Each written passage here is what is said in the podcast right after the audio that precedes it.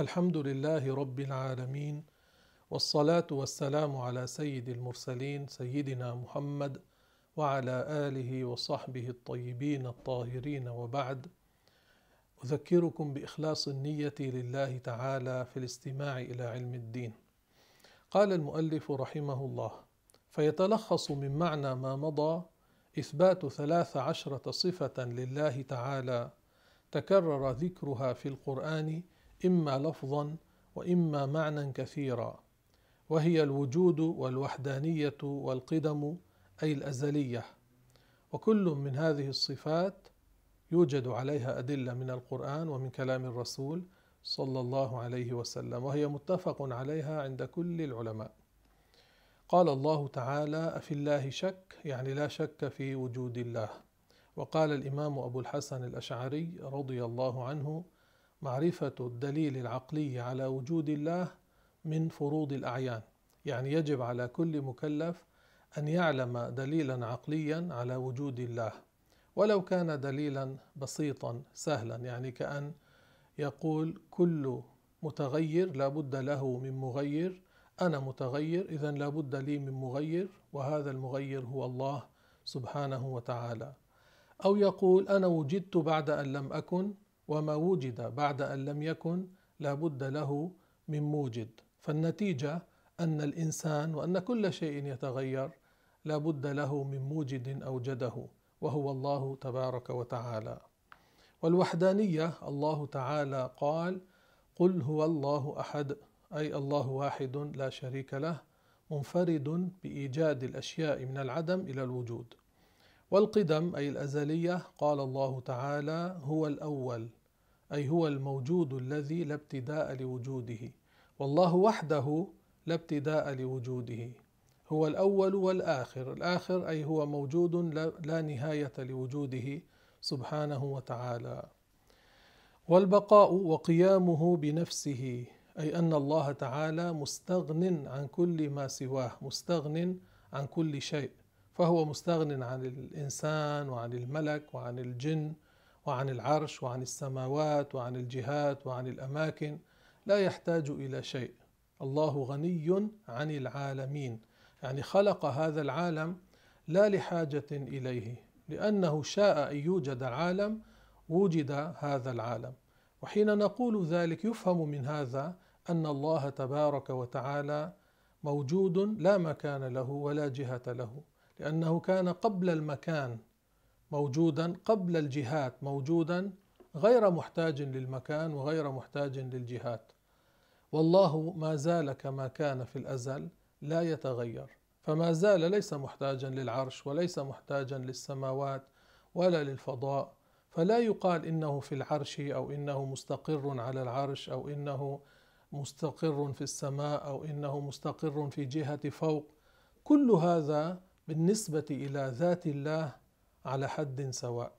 الله لا مناسبة بينه وبين شيء من خلقه لأن المناسبة تكون بين المتماثلات يعني بيني وبين هذا مناسبة بيني وبين تلك مناسبة أنا جسم وهذا جسم أنا لي حجم وهذا له حجم أنا لي شكل وهذا له شكل أنا لي لون وهذا له لون. الله لا مناسبة بينه وبين شيء من هذا الخلق. ثم الله تعالى لا يتشرف بشيء من خلقه. يعني لا يقال نحن نصف الله والعياذ بالله بجهة فوق تشريفا له. الجهات بالنسبة إلى ذات الله على حد سواء. جهة فوق كما جهة تحت كما اليمين كما الشمال كما الأمام كما الخلف. الله لا يتشرف بشيء من خلقه. الله كماله أزلي أبدي. لا يزيد ولا ينقص. والقدرة وهو على كل شيء قدير صفة لله تبارك وتعالى تتعلق بالممكنات العقلية لأن الممكن هو الذي يقبل الوجود ويقبل العدم. فقدرة الله تعالى صفته في الأزل والله قادر على كل شيء يعني قادر على إيجاد ما سبقت مشيئته بأنه يكون موجودا. والإرادة أي المشيئة. وما تشاءون إلا أن يشاء الله رب العالمين. وكما قال الإمام الطحاوي غلبت مشيئته المشيئات كلها. لا مشيئة للعباد إلا ما شاء لهم. يعني إذا شاء الله للعبد أن يشاء العبد يشاء وإلا لا يشاء. إن لم يشأ الله للعبد أن يشاء لا يشاء. ومشيئة العبد تحت مشيئة الله. يعني لا نقول هذا العبد مستقل عن مشيئة الله لا يجوز. لا يجوز أن يكون العبد مستقلا عن مشيئة الله. لا يجوز أن يدخل شيء في الوجود إلا بمشيئة الله. لماذا؟ لأنه لو كان شيء يدخل في الوجود بدون مشيئة الله لكان معنى ذلك أنه يحصل رغما عنه ولكان مغلوبا فيما يملك والله غالب على أمره. لا أحد يستطيع أن يمنع نفاذ مشيئة الله. الإنسان ليس مستقلا عن مشيئة الله وليس مجبورا على ما يعمل. له إرادة يوجه قصده نحو العمل الله يخلقه عند ذلك. فاذا الإنسان ليس مستقلا عن مشيئة الله وليس مجبورا على ما يحصل منه من العمل الاختياري. ماذا نقول عن الإنسان؟ الإنسان مختار تحت مشيئة الله. لا نقول الإنسان مستقل عن مشيئة الله ولا نقول الإنسان مجبور ولا إرادة له. لا يكلف الله نفسا إلا وسعها. يعني أن هذا الإنسان الذي جعله الله تعالى عاقلا وله إرادة وهو بالغ بلغته أصل الدعوة هذا يسمى مكلفا. فالجبر ينافي التكليف. فاذا الإنسان ليس مجبورا. والله يقول وما تشاءون إلا أن يشاء الله رب العالمين. يعني تشاءون إذا شاء الله يعني الإنسان له إرادة لكن تحت مشيئة الله تبارك وتعالى. وهذا الجواب على من يسألكم الإنسان مخير أم مسير؟ كثير من الناس يسألون مخير أم مسير؟ مخير أم مسير؟ ما هو الجواب؟ مختار تحت مشيئة الله. ليس مستقلا عن مشيئة الله وليس مجبورا. والعلم وعلم الله كما سبق وبينت علم واحد لا يتجدد لا يطرأ عليه زياده ولا نقصان ولا يعلم بعد جهل نحن نعلم بعد جهل ونحن علمنا محصور. علم الله ليس بمتناه سبحانه وتعالى وعلمه واحد ليس علما متعددا وعلمه أزلي أبدي نحن علمنا حادث متجدد يطرأ عليه الزيادة ويطرأ عليه نقصان. فلا يقال إن هذا الإنسان يعلم كل شيء. لا يقال الرسول يعلم كل شيء. وهو بكل شيء عليم الله وحده سبحانه وتعالى. الرسول لا يعلم كل شيء. وكل نبي لا يعلم كل شيء. حتى الملائكة لا يعلمون كل شيء. لا يعلم الغيب كله إلا الله. قل لا يعلم من في السماوات والأرض الغيب إلا الله. الذي يعلم الغيب كله الله وحده. ومن وصف إنسانا بأنه يعلم كل الغيب هذا شبه هذا الإنسان برب العالمين. لا يعلم الغيب كله إلا الله تبارك وتعالى. الله وحده عالم بكل شيء. الله وحده قادر على كل شيء. هذا لا يوصف به البشر ولا الملك ولا الجن. والسمع والبصر معناه أن الله سميع له صفة السمع وسمعه أزلي أبدي ليس كسمع المخلوقين. الله يسمع كل مسموع بسمعه الأزلي. لا يحدث في ذاته سمع. نحن نسمع بسمع حادث. يحدث فينا سمع. نحن حين نسمع يحدث فينا سمع حين نرى يحدث فينا بصر. الله يسمع بسمع أزلي يرى ببصر أزلي سبحانه وتعالى. لا يحدث في ذاته صفة جديدة. لماذا؟ لأن حدوث الصفة يدل على حدوث الذات. لماذا أيضا؟ لأن هذا تغير وأقوى علامات الحدوث التغير. يعني أقوى شيء يدل على حدوث هذا الشيء تغيره. فإذا عرفت أن هذا متغير تعرف أنه حادث. الله ليس حادثا. الله هو الذي أحدث هذا الخلق خلق هذا الخلق. فصفاته ليست كصفات الخلق. فحين نقول سميع بصير ليس كما تقول هذا الإنسان سميع بصير. أنا أسمع بهذه الأذن أرى بهذه الجارحة. الله ليس كذلك. سبحانه وتعالى.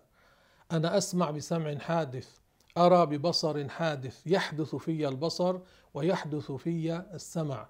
أما الله لا يوصف بالجوارح ولا يوصف بالأعضاء ولا يوصف بالأدوات يعني بالأجزاء الصغيرة ولا يوصف بصفة جديدة طارئة. لا يجوز هذا على الله تبارك وتعالى. لذلك في الآية القرآنية لاحظوا هذا الله قال ليس كمثله شيء وهو السميع البصير. يعني قدم إفادة التنزيه ليس كمثله شيء. ثم جاء إثبات السمع والبصر لله. أي سمعه وبصره وهو ليس كمثله شيء. يسمع ويرى وهو ليس كمثله شيء. أما نحن سمعنا بالجارحة بصرنا بالجارحة سمعنا حادث بصرنا حادث. أما الله فليس كذلك سبحانه وتعالى. والسمع والبصر والحياة أيضا الحياة صفة لله تبارك وتعالى أزلية أبدية ليست بروح ودم وجسم وعصب ليست كحياتنا. نحن حياتنا وكذلك الجن والملائكة باجتماع الروح مع الجسد. أجرى الله العادة على ذلك فينا. فإذا فارق الروح الجسد صرنا ميتين صرنا موتى وكذلك الملائكة وكذلك الجن. أما الله حياته صفته في الأزل. ليست كحياة العالمين ليست كحياة الخلق. والكلام وهذا سبق في الدرس الماضي بيانه بشكل مفيد جدا جدا جدا مع الأدلة وهذا من أهم مسائل علم العقيدة.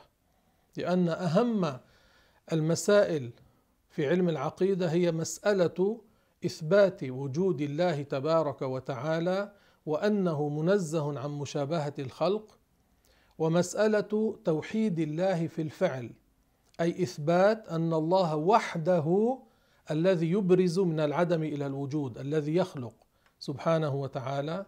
والثالثة مسألة إثبات الكلام لله على ما يليق به. لذلك في الدرس الماضي أخذ ذلك تقريبا الحصة كاملة حصة الدرس كاملة لأن هذا من الأمور المهمة وخالفنا خالف أهل السنة المبتدعة في ذلك. المعتزلة خالفونا في هذا. المجسمة المشبهة خالفونا في هذا. بل كثر خلاف المبتدعة لأهل السنة في مسألة الكلام حتى سمي علم التوحيد بعلم الكلام. لكثرة من خالف أهل الحق في هذه المسألة. وذكرت لكم في الدرس الماضي أن الإمام أحمد رضي الله عنه عذب وتوالى على تعذيبه الجلادون. لماذا؟ لأنه رفض أن يقول القرآن مخلوق حتى لا يتوهم أن صفة الله القائمة بذاته حادثة. لأن من اعتقد أن صفة من صفات الله مخلوقة لا يكون مسلما. يكون كافرا. لذلك هذه المسألة مهمة. الدرس الماضي ذاكروه راجعوه كثيرا اكتبوه دونوه احفظوه واحفظوا الأدلة التي فيه فإنها أدلة عظيمة. ثم علموه غيركم. يكن لكم أجر عظيم بإذن الله تعالى. والمخالفة للحوادث أي أن الله تعالى لا يشبه شيئا من الخلق. مخالفة معناها عدم المشابهة والحوادث هي المخلوقات. فالله لا يشبه الإنسان ولا النبات ولا الضوء ولا الظلام ولا الجن ولا الملائكة لا يشبه شيئا ليس كمثله شيء. وكل من يصف الله بصفة تؤدي إلى أن الله جسم هذا ما عرف الله وهذا كافر بالله. وليس مؤمنا لا يقال عنه مؤمن. يعني أدعياء السلفية المبتدعة نفاة التوسل الذين يكفرون المسلمين المتبركين بالأنبياء والصالحين وآثارهم. هؤلاء عقيدتهم أساس عقيدتهم أن الله جسم مستقر على العرش وهذه عقيدة فاسدة. فهؤلاء لا يقال عنهم مؤمنون ولا يقال عنهم مسلمون وأيضا لا يقال عنهم عبدوا الله. هؤلاء عبدوا شيئا تخيلوه توهموه لا وجود له في الحقيقة. يعني فوق العرش لا يوجد ما هم يزعمون. يزعمون أنه يوجد فوق العرش جسم على زعمهم عليم قادر حي بصير سميع. وهذا في الحقيقة لا وجود له. فوق العرش يوجد كما سبق وذكرت لكم ما قاله الرسول صلى الله عليه وسلم. كتاب مكتوب فيه إن رحمتي سبقت غضبي وشرحت هذا. هذا الذي هو موجود فوق العرش بنص حديث رسول الله الذي رواه البخاري عن سيدنا محمد عليه الصلاة والسلام. فإذا أدعياء السلفية المجسمة المشبهة ما عبدوا الله ما عبدوا الخالق عبدوا شيئا هم تصوروه. في الحقيقة لا وجود له إنما هم تصوروه. لذلك قال بعض أكابر علماء أهل السنة لو ناظر عابد الشمس المشبه المجسم الذي يقول الله موجود بذاته فوق العرش لكسره. عابد الشمس كان كسر هذا. لماذا؟ لأن عابد الشمس إذا ناظر هذا المجسم المشبه الذي يدعي أنه من السلف الصالح وقال له هذا المجسم قال الله تعالى أفي الله شك؟ عابد الشمس يقول له لا أؤمن بكتابك الذي تدعي. أعطني دليلا عقليا. ماذا يقول له؟ عابد الشمس يقول له أنا خالقي والعياذ بالله هذا كافر وهذا كافر.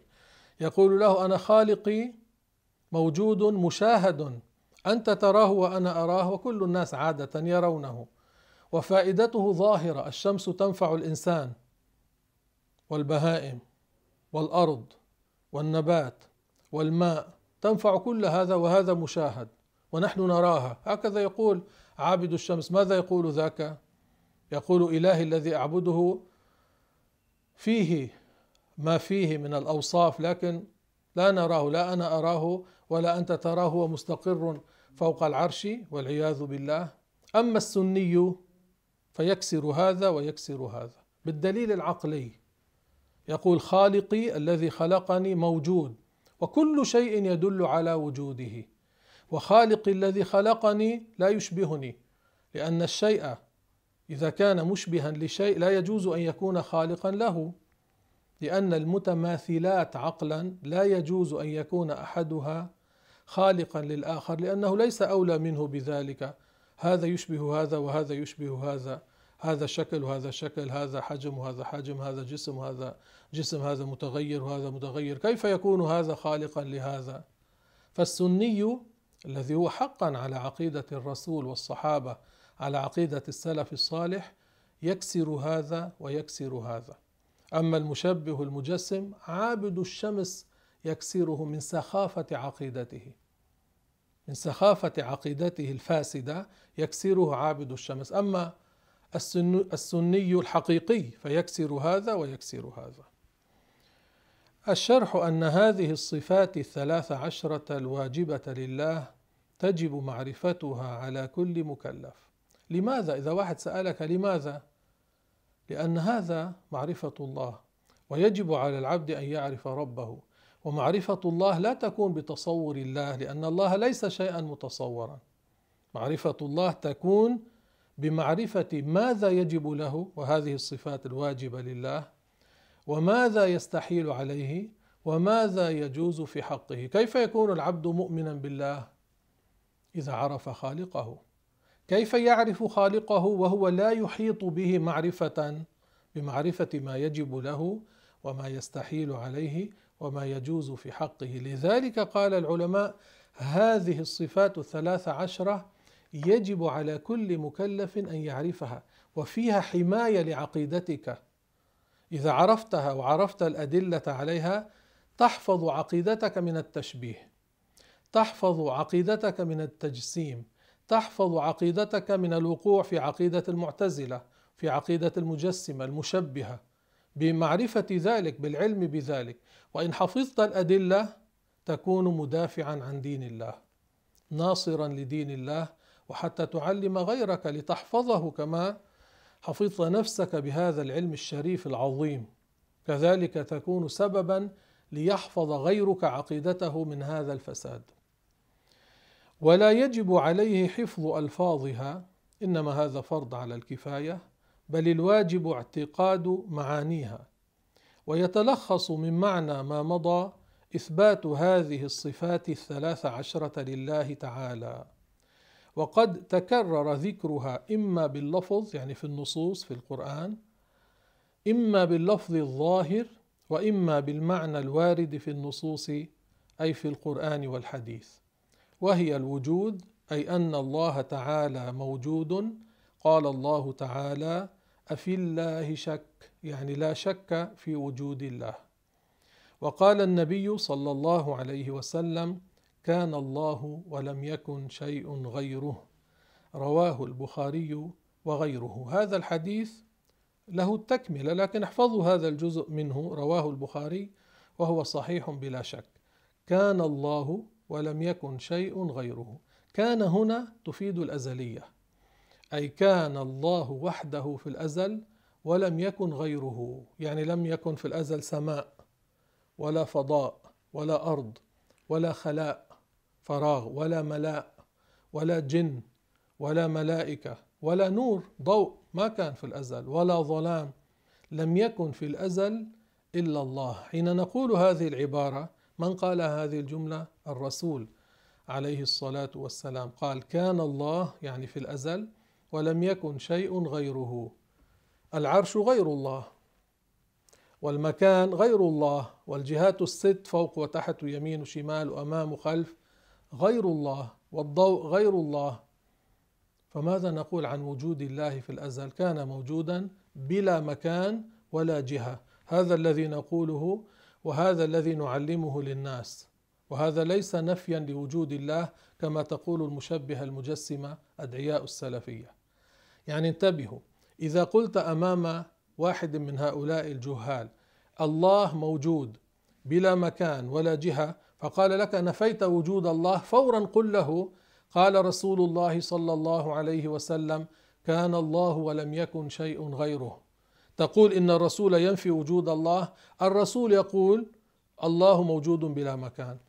إذا قال لك كيف؟ لأنه قال كان الله ولم يكن شيء غيره. يعني لم يكن مكان ولم تكن جهات في الأزل. يعني كان الله بلا مكان ولا جهة. والله لا يتغير. أقوى علامات الحدوث كما سبق وقلت التغير. الله لا يتغير سبحانه وتعالى. لماذا لا يتغير؟ لأنه لو كان يتغير لكان له أمثال لا تحصى.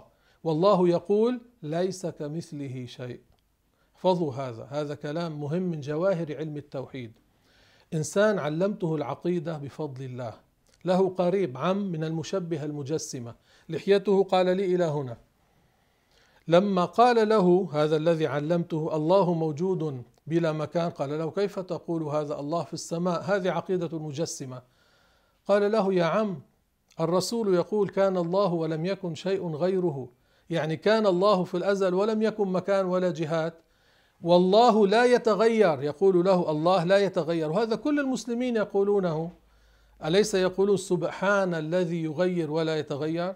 فقال له عمه الذي يدعي الإرشاد وأنه يتبع السلف على زعمه قال له لا تقل الله لا يتغير الله يتغير.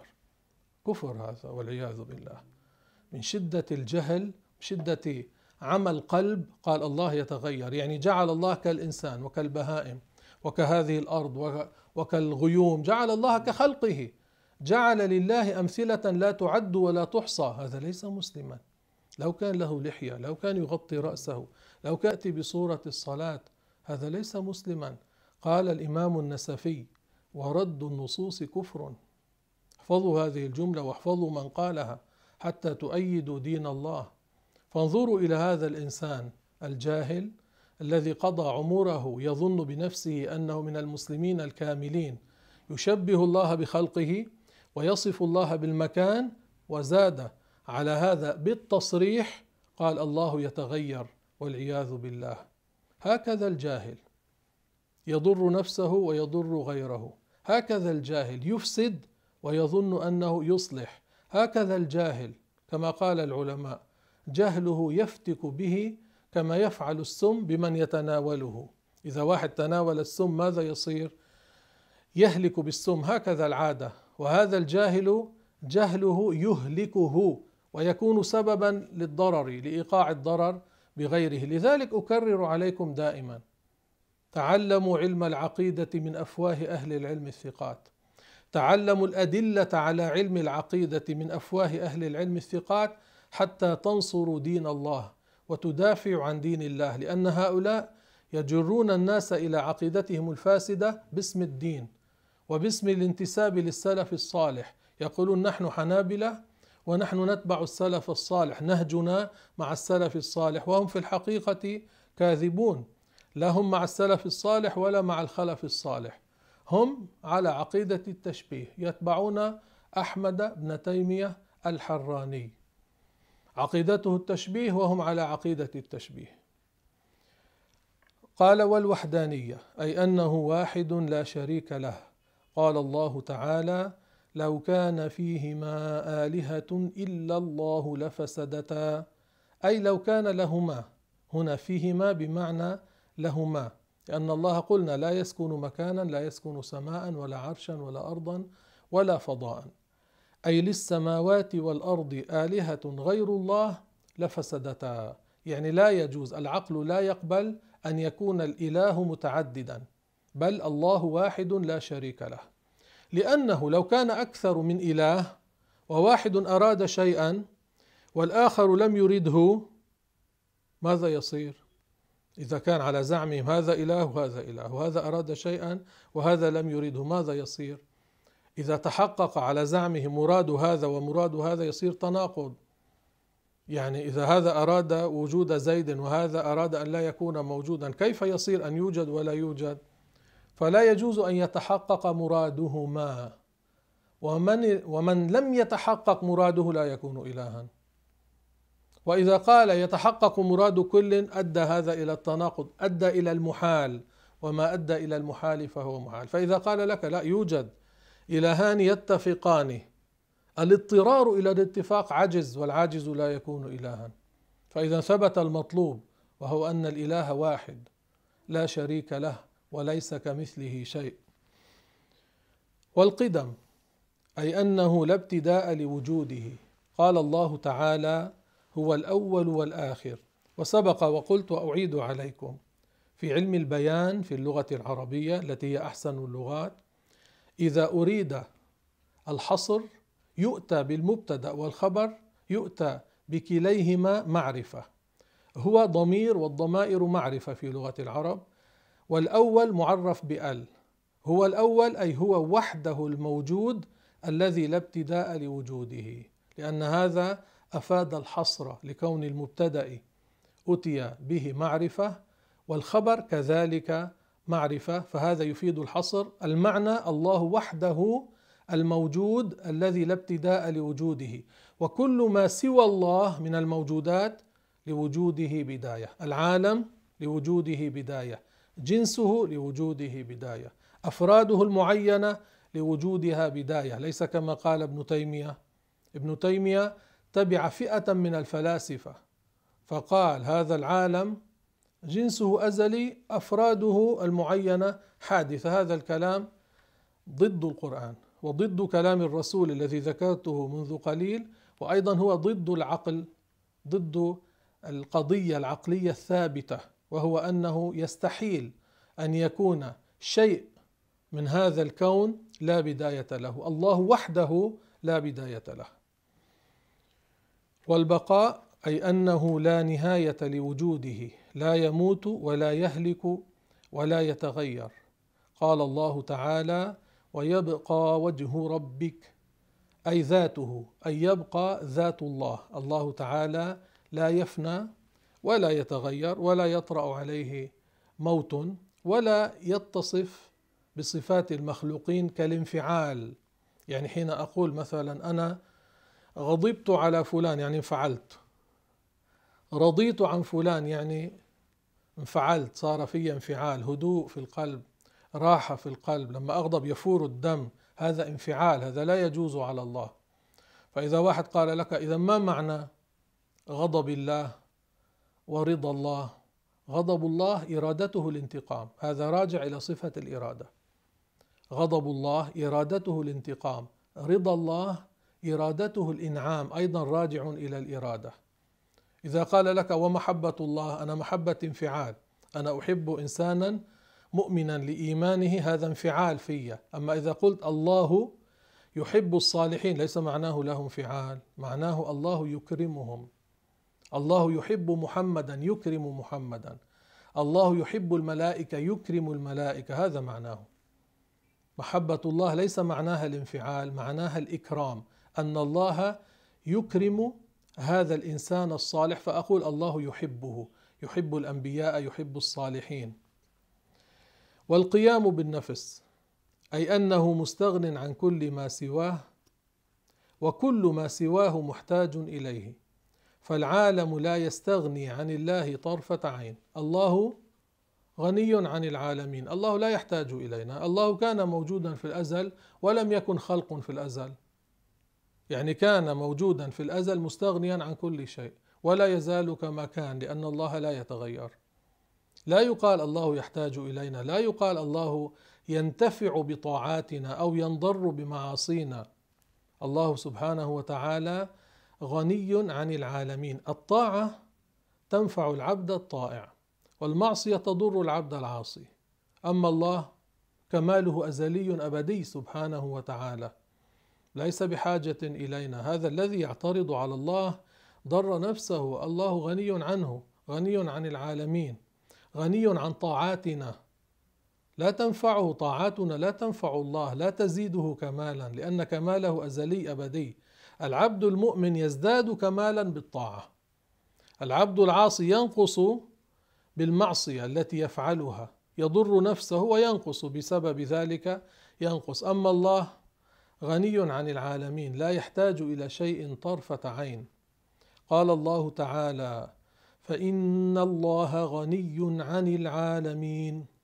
العالمون الإنس والجن يقال عنهم عالمون وكل شيء سوى الله يسمى عالما أيضا. الله مستغن عن كل شيء سبحانه وتعالى. والقدرة فالله قادر على كل شيء أي كل ممكن عقلي. وهو ما يجوز عقلا وجوده وعدمه.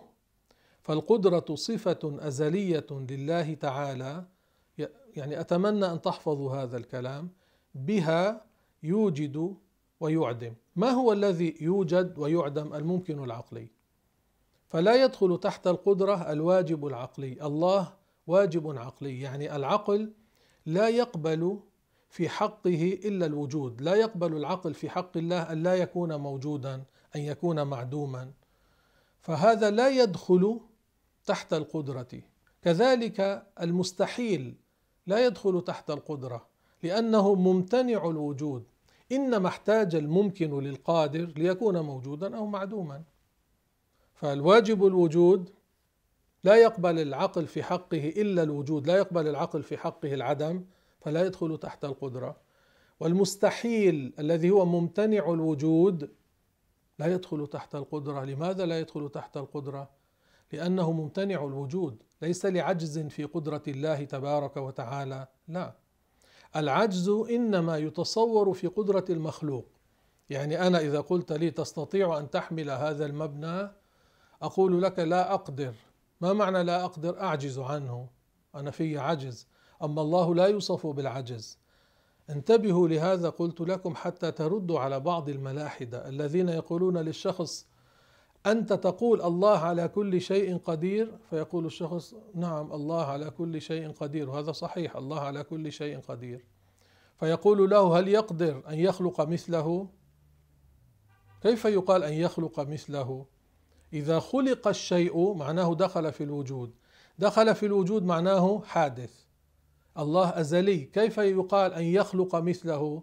هذا فيه تناقض هو فيه قلب الحقائق لأن معنى كلامه هل يقدر الله أن يدخل في الوجود الآن ما هو ليس له بداية؟ ما هو إذا دخل الآن شيء في الوجود معناه له بداية؟ فهذا مستحيل وما أدى إلى المستحيل فهو مستحيل. قاعدة هذه. وانتبهوا لا يقال لهذا الملحد الله يقدر أن يوجد, أن يوجد مثله ولا يقال لا يقدر. كلا الجوابين كفر. المتعلم يجيب بالجواب الصحيح. يقول هذا لا يدخل تحت القدرة لأنه لا يصح في العقل أن يدخل الآن في الوجود ما ليس له بداية ولأن الخالق سبحانه وتعالى موجود لا ابتداء لوجوده وليس له شريك وليس له نظير وليس له مثيل. فلا يدخل هذا تحت القدرة. هكذا يجاب.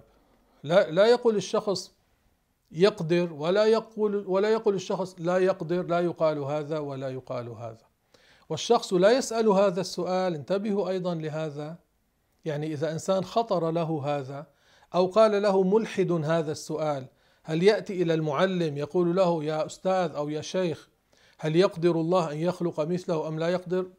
لا يأتي إلى الشيخ أو إلى المعلم أو المدرس بهذا السؤال إنما يقول سأل سائل هذا السؤال كيف أرد عليه؟ أو خطر لي هذا السؤال كيف أرد عليه على هذا السؤال الذي خطر لي. كذلك يا أحبابنا لا يقال من خلق الله. الله موجود لا ابتداء لوجوده المخلوق له بداية. فلا يقال من خلق الله. الله خالق كل شيء. ماذا يقال؟ الله موجود لا ابتداء لوجوده. فإذا أيضا إنسان قال لك أحتاج لمعرفة الجواب قل له لا تقل من خلق الله. قل خطر لي سؤال من خلق الله؟ كيف أرد عليه؟ ترد عليه ترد على هذا بأن تقول الله موجود لا ابتداء لوجوده فلا يقال من خلقه. يقال من خلق الإنسان من خلق الأرض من خلق الجن من خلق السماوات من خلق العرش الجواب الله. أما الله فلا يقال من خلقه. ومن قال من خلق الله إن كان مسلما خرج من الإسلام لأن هذا كفر. انتبهتم؟ يعني إذا واحد قال لك يا أخي أريد أن أعرف الجواب. كيف تعرف الجواب؟ ليس بطرح هذا السؤال بأن تقول لو سأل سائل كذا ما جوابه؟ أو خطر لي كذا كيف أرد عليه؟ والإرادة أي المشيئة وهي تخصيص الممكن العقلي ببعض ما يجوز عليه من الصفات دون بعض. الله سبحانه وتعالى له المشيئة التامة الكاملة الشاملة. معنى المشيئة تخصيص الممكن العقلي. صرتم تعرفون ما معنى الممكن العقلي. ببعض ما يجوز عليه من الصفات دون بعض. يعني مثلا الإنسان ممكن عقلي. أليس قبل أن نكون موجودين كنا غير موجودين كنا معدومين. من أوجدنا؟ الله. أبرزنا من العدم إلى الوجود. ثم هذا الإنسان نحن أخذنا الآن المثال بالإنسان. هذا الإنسان تجوز عليه صفات كثيرة. لما أنا بهذه الصفات دون سواها؟ يعني لما أنا بهذا الطول بهذا العرض بهذا الصوت لما أنا الآن هنا أتكلم وأحرك يدي بتخصيص من الله سبحانه وتعالى.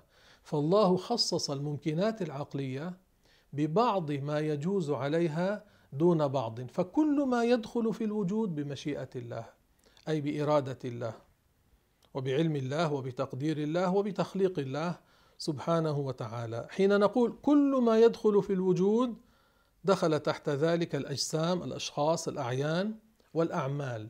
حين نقول والأعمال دخل تحت ذلك الخير والشر الكفر والإيمان والمعصية الطاعة كل ذلك يدخل تحت قولنا دخل كل شيء فكل شيء بمشيئة الله تبارك وتعالى لا فرق من هذه الناحية لا فرق بين الكفر والإيمان والطاعة والمعصية أن كلا بمشيئة الله تبارك وتعالى لماذا؟ يعني إذا قال لك إنسان كيف لماذا؟ لأنه لو كان يدخل في الوجود شيء بدون مشيئة الله لكان معنى ذلك أنه بمشيئة غيره أي بتخصيص من غيره. لكان معنى ذلك أن الله له شركاء والله لا شريك له سبحانه وتعالى. فثبت المطلوب وهو أن كل شيء بمشيئة الله وحده سبحانه وتعالى. كل ما يدخل في الوجود بمشيئة الله تبارك وتعالى. وبوقت دون وقت آخر قال الله تعالى وما تشاءون إلا أن يشاء الله رب العالمين معناه مشيئة العبد تحت مشيئة الله والعبد لا يعلم الغيب. يعني إذا إنسان قال لك ما دام كل شيء بمشيئة الله وعلم الله وتقدير الله وتخليق الله لما أعمل؟ ولما أصلي؟ ولما أزكي؟ ولما أصوم؟ ولما أحج؟ قل له أنت لا تعلم الغيب وأنت أمرك الله بالطاعة ونهاك عن المعصية. فعليك أن تبذل وسعك في أداء ما فرض الله وتجنب ما حرم الله. وهكذا قال الرسول للصحابة. لما سألوه سألوا الرسول صلى الله عليه وسلم قال لهم اعملوا وكل ميسر لما خلق له. يعني ابذلوا وسعكم. ولا يكون منكم إلا ما شاء الله أن يكون. لكن أنت لا تعلم الغيب. كالزارع الذي يزرع البذر في الأرض وهو يرجو أنه يطلع منه النبات الذي يريد الحصاد الذي يحصل له بعد ذلك. هل في كل مرة يحصل؟ لا لكن هو يزرع على أمل أنه يخرج له ما يريد والإنسان يعمل. وكل ميسر لما خلق له كما قال الرسول صلى الله عليه وسلم. وانتبهوا ليس للعاصي ما دام عاصيا أن يعتذر بالمشيئة. لا عذر له لأنه فعل ذلك بإرادته تحت مشيئة الله لكن بإرادته. أنا الآن أتكلم بإرادتي. أنا جئت إلى هذا المكان أتكلم بإرادتي. لست مجبورا على ذلك لكن تحت مشيئة الله. الله عالم بعلمه الأزلي ماذا يكون مني ومن غيري. لا تخفى عليه خافية. لكن جئت بإرادتي. والآن أحرك يدي بإرادتي ولساني بإرادتي لكن تحت مشيئة الله. لا شك في ذلك. فالإنسان له إرادة فيما هو يقصده له إرادة ليس هو قصد ذلك وجه قصده نحو ذلك والله خلقه عند ذلك. فهذا الإنسان يثاب على الطاعة ويستحق العقاب على المعصية ليس لأنه خلقها الله الخالق إنما لأنه يوجه قصده نحو العمل. والله يخلقه عند ذلك. هذا يشكل على بعض الناس. يقولون كيف إذا كان بمشيئة الله يعاقب الله الذي عصى هذا العاصي؟ كيف فعل المعصية؟ كان مجبورا كالريشة المعلقة في الهواء كالريشة التي هي معلقة في الهواء. إذا جاءت الريح من هنا ذهبت إلى هذه الناحية والعكس لا. الإنسان فعل هذا بإرادته. لو كان مجبورا لم يكن مكلفا. لأن الجبر ينافي التكليف. الله كلفه وجعل له إرادة لكن تحت مشيئة الله سبحانه وتعالى. كما قال سيدنا علي رضي الله عنه أمر بين أمرين لا جبر ولا تفويض. ليس مجبورا لا إرادة له وليس مفوضا الأمر إليه أنه يعمل بدون مشيئة الله مستقل عن مشيئة الله. هذا جواب سيدنا علي رضي الله عنه. ومن هنا أخذنا الكلمة التي قلتها مختار تحت مشيئة الله. كما قال سيدنا علي لا جبر ولا تفويض في جواب من يسأل الإنسان مخير أم مسير؟ هذا الجواب. مختار تحت مشيئة الله. لك إرادة تحت مشيئة الله. تقصد لكن تحت مشيئة الله. قال العلماء الإنسان يفعل والله يخلق. ما قالوا الإنسان يخلق؟ المعتزله قالوا الإنسان يخلق أفعاله فأشركوا وكفروا بذلك. أهل السنة ماذا يقولون؟ فضوا هذه الجملة البسيطة. قالوا الإنسان يفعل والله يخلق. ما معنى الإنسان يفعل؟ يعني ظاهرا يظهر عليه العمل. أليس قلت لكم في درس مضى أن الله تعالى قال فلم تقتلوهم ولكن الله قتلهم؟ بحسب الظاهر الصحابة قتلوهم قتلوا المشركين في المعركة. الله أنزل على الرسول هذه الآية فلم تقتلوهم ما معناه؟ يعني لم تخلقوا ذلك. ولكن الله قتلهم ما معناه؟ هو خلق ذلك. كذلك الآية الأخرى وما رميت اذ رميت ولكن الله رمى هو ظاهرا الرسول رمى. كيف جاء النفي في القرآن؟ وما رميت اذ رميت بعده الإثبات؟ قال العلماء لا بد من التأويل وإلا لأدى إلى التناقض.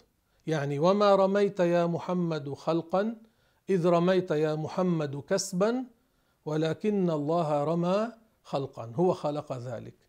وكان الرسول صلى الله عليه وسلم يقول إذا رجع من الغزو لا إله إلا الله وحده نصر عبده وأعز جنده وهزم الأحزاب وحده. احفظوا هذه الجملة. وهزم الأحزاب وحده. ظاهرا من هزم الأحزاب ظاهرا؟ الرسول والصحابة. كيف أوحي للرسول أن يقول وهزم الأحزاب وحده؟ عن الله. معناه وحده خلق ذلك. الرسول لا يخلق. والصحابة لا يخلقون. لا أحد يخلق شيئا إلا الله سبحانه وتعالى. هذا معنى لا إله إلا الله. الله وحده الذي يخلق يبرز من العدم إلى الوجود. الله وحده الذي يبرز من العدم إلى الوجود. وسبحان الله وبحمده والحمد لله رب العالمين. ربنا آتنا في الدنيا حسنة وفي الآخرة حسنة وقنا عذاب النار. اللهم من أحييته منا فأحيه على الإسلام ومن توفيته منا فتوفه على الإيمان. اللهم أصلح لنا ديننا الذي فيه عصمة أمرنا وأصلح لنا دنيانا التي فيها معاشنا وأصلح لنا آخرتنا التي فيها معادنا. اللهم اجعل الحياة زيادة لنا في كل خير واجعل الموت راحة لنا من كل شر. اللهم إنا نسألك العفو والعافية في الدنيا والآخرة. اللهم قنا شر ما نتخوف. اللهم قنا شر ما نتخوف. اللهم قنا شر ما نتخوف. اللهم تقبل طاعاتنا وارزقنا الإخلاص في ذلك يا أرحم الراحمين. اللهم أكرمنا برؤية وجه سيدنا محمد عليه الصلاة والسلام. وسبحان الله وبحمده والحمد لله رب العالمين. نهلل. لا إله إلا الله. لا إله إلا الله. لا إله إلا الله. اللهم صل على سيدنا محمد وعلى آله وصحبه وسلم. اللهم صل على سيدنا محمد وعلى آله وصحبه وسلم. اللهم صل على سيدنا محمد وعلى آله وصحبه وسلم.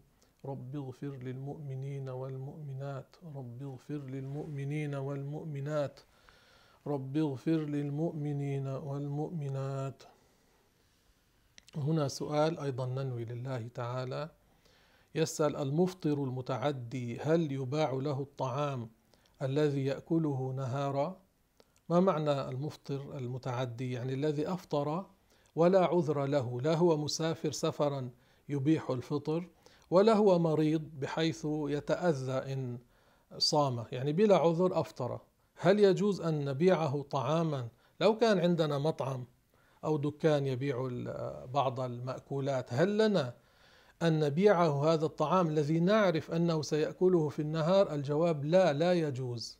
لماذا؟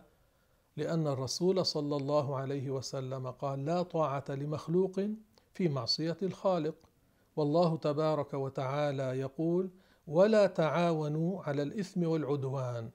كل ما يعين على الحرام حرام. كل ما يعين على الطاعة طاعة. كل ما يعين على الشيء الذي هو مستحب مستحب. وما يعين على المكروه مكروه. وما يعين على المباح مباح. هذا ماذا يفعل؟ الذي أفطر متعديا لا عذر له يفعل معصية إذا أكل. كلما أكل في نهار رمضان عليه إثم عليه إثم لأن بعض الناس يقول شو دخلني؟ ما ذنبي؟ هو يريد أن يأكل. الله ماذا قال؟ ولا تعاونوا على الإثم والعدوان. يعني إذا جاءك شخص قال لك أريد أن تبيعني سكينا لأقتل جاري. يجوز أن تبيعه السكين. قال لك لأقتل جاري. يجوز؟ لا لا يجوز. ولا تعاونوا على الإثم والعدوان. ليس لك أن تقول أنا أبيع السكاكين. عرفت لأنك عرفت أنه يريده للحرام. وهنا في الأصل هذا الطعام مباح لكن عرفت أنه يريده للحرام ليأكله متعديا في نهار رمضان. فلا يجوز. كثير من الجهال يقول ما دخلني؟ إنه ما دخلني بهذا أليس أعنته بذلك على الحرام؟ إذا اعنت غيرك على الحرام فهذا حرام. كشخص مثلا قال له شخص توجد قنينة خمر هناك أريد أن أشرب منها ناولني إياها. هل يجوز أن يناوله قنينة الخمر؟ لا يجوز. ليس له أن يقول أنا لا أشرب هو طلب مني أنا أجلبها له. هل يجوز ذلك؟ لا يجوز. الرسول صلى الله عليه وسلم لعن الخمرة. وساقيها ومسقاها وحاملها والمحمولة إليه وبائعها ومبتاعها وعاصرها ومعتصرها وآكل ثمنها كل هؤلاء ملعونون بسبب الخمر لأن هذا إعانة على المعصية الإعانة على الحرام حرام الإعانة على الخير خير الإعانة على الشيء الذي هو خير خير والإعانة على المعصية معصية. بعض الناس هنا سؤال ثان بعض الناس يقولون ليس بعد الكفر ذنب. فماذا تقولون في هذا؟ نحن نقول أكبر الذنوب الكفر كما أفاد رسول الله صلى الله عليه وسلم. أكبر معصية الكفر. لا تقول عن معصية دون الكفر هذه أكبر المعاصي أو أكبر الجرائم. أكبر جريمة الكفر. أكبر الظلم الكفر. أكبر المعاصي على الإطلاق الكفر. بعد الكفر قتل النفس التي حرم الله إلا بالحق. هكذا الترتيب. بعد ذلك الزنا. بعد هذا هكذا الترتيب. الزنا بعد ذلك. بعد ذلك ترك الصلاة وأكل الربا وسائر المعاصي كما هو في شرع الله. فلا يقال ليس بعد الكفر ذنب. لماذا؟ لأنه قد يفهم شخص أن الشخص إذا كفر مهما فعل بعد ذلك لا يكتب عليه ذنب. لا يقال هذا. يقال ليس ذنب أعلى من الكفر أشد من الكفر. أشد الذنوب هو الكفر. أما قول ليس بعد الكفر ذنب بعض الناس يريدونه إنه هذا الإنسان كفر مهما فعل مهما فعل بعد ذلك مهما فعل بعد ذلك كيف يقولون هذا؟ كلما فعل الكافر معصية تسجل عليه. كلما فعل معصية تسجل عليه. كلما ترك فريضة. لو كان مسلما لاستطاع أن يؤديها يكتب عليه ذنب. أليس الكافر من شأنه لا يصلي؟ فوق كفره يكتب عليه ذنب ترك الصلاة. كما جاء في القرآن الكريم. قالوا لم نك من المصلين. قالوا في جواب الملائكة.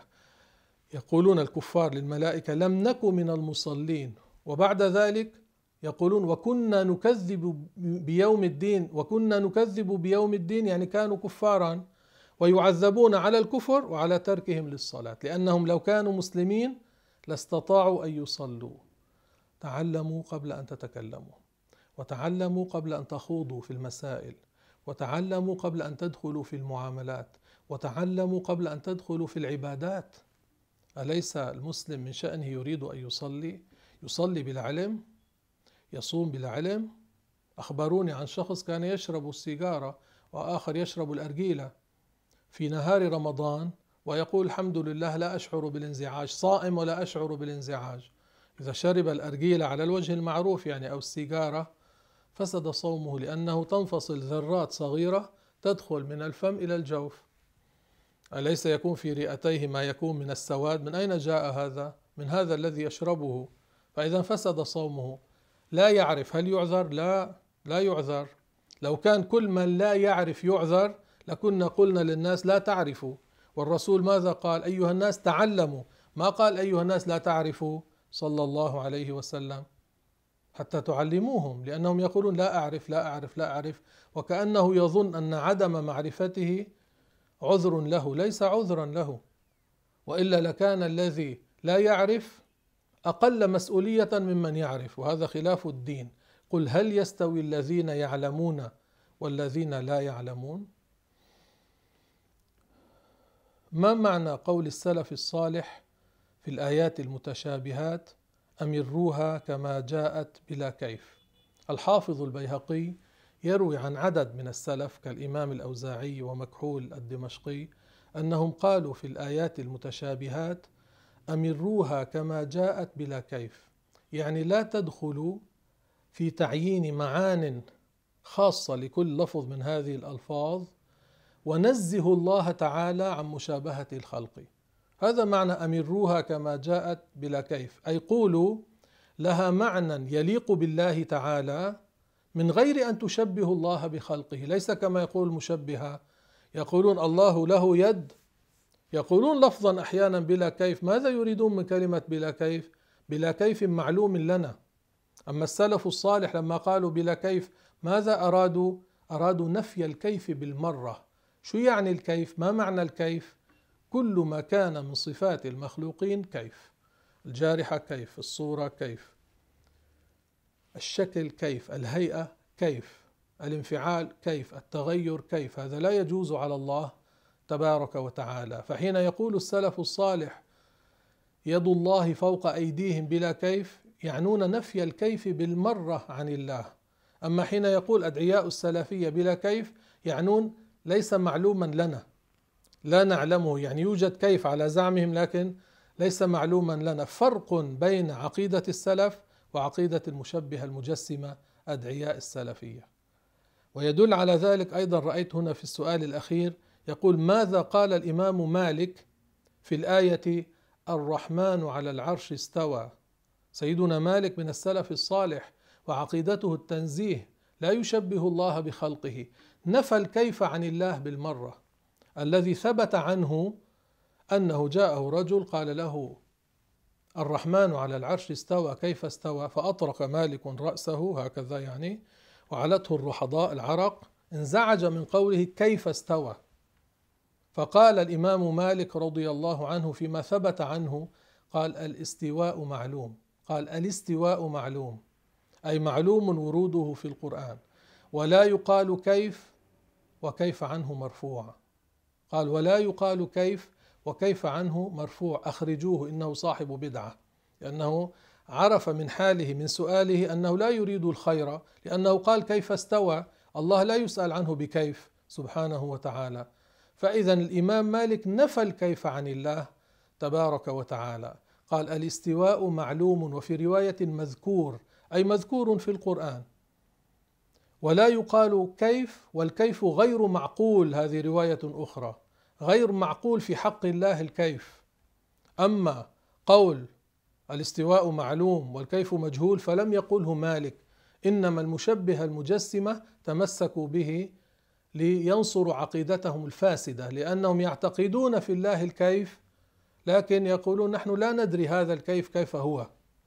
فيقولون قال والكيف مجهول. الإمام مالك لا يقول والكيف مجهول.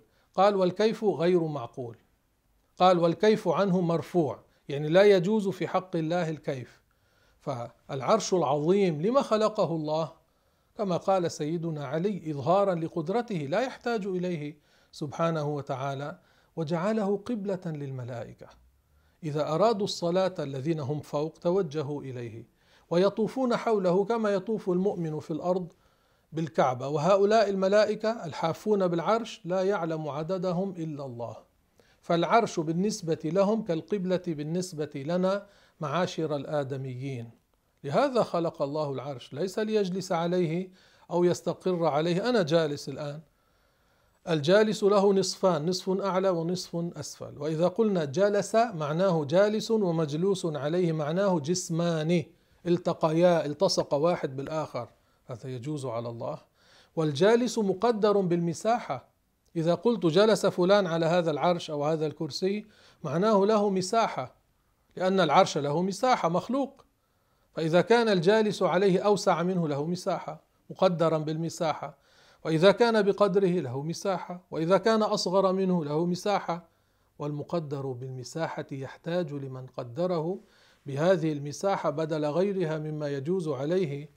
وهذا لا يجوز على الله تبارك وتعالى. فهذا كلام مالك وهذا كلام السلف الصالح. نفي الكيف عن الله بالمرة. هذه عقيدة السلف الصالح نفي الكيف عن الله بالمرة. سبحانه وتعالى. وبارك الله فيكم وزادكم رغبة في علم الدين.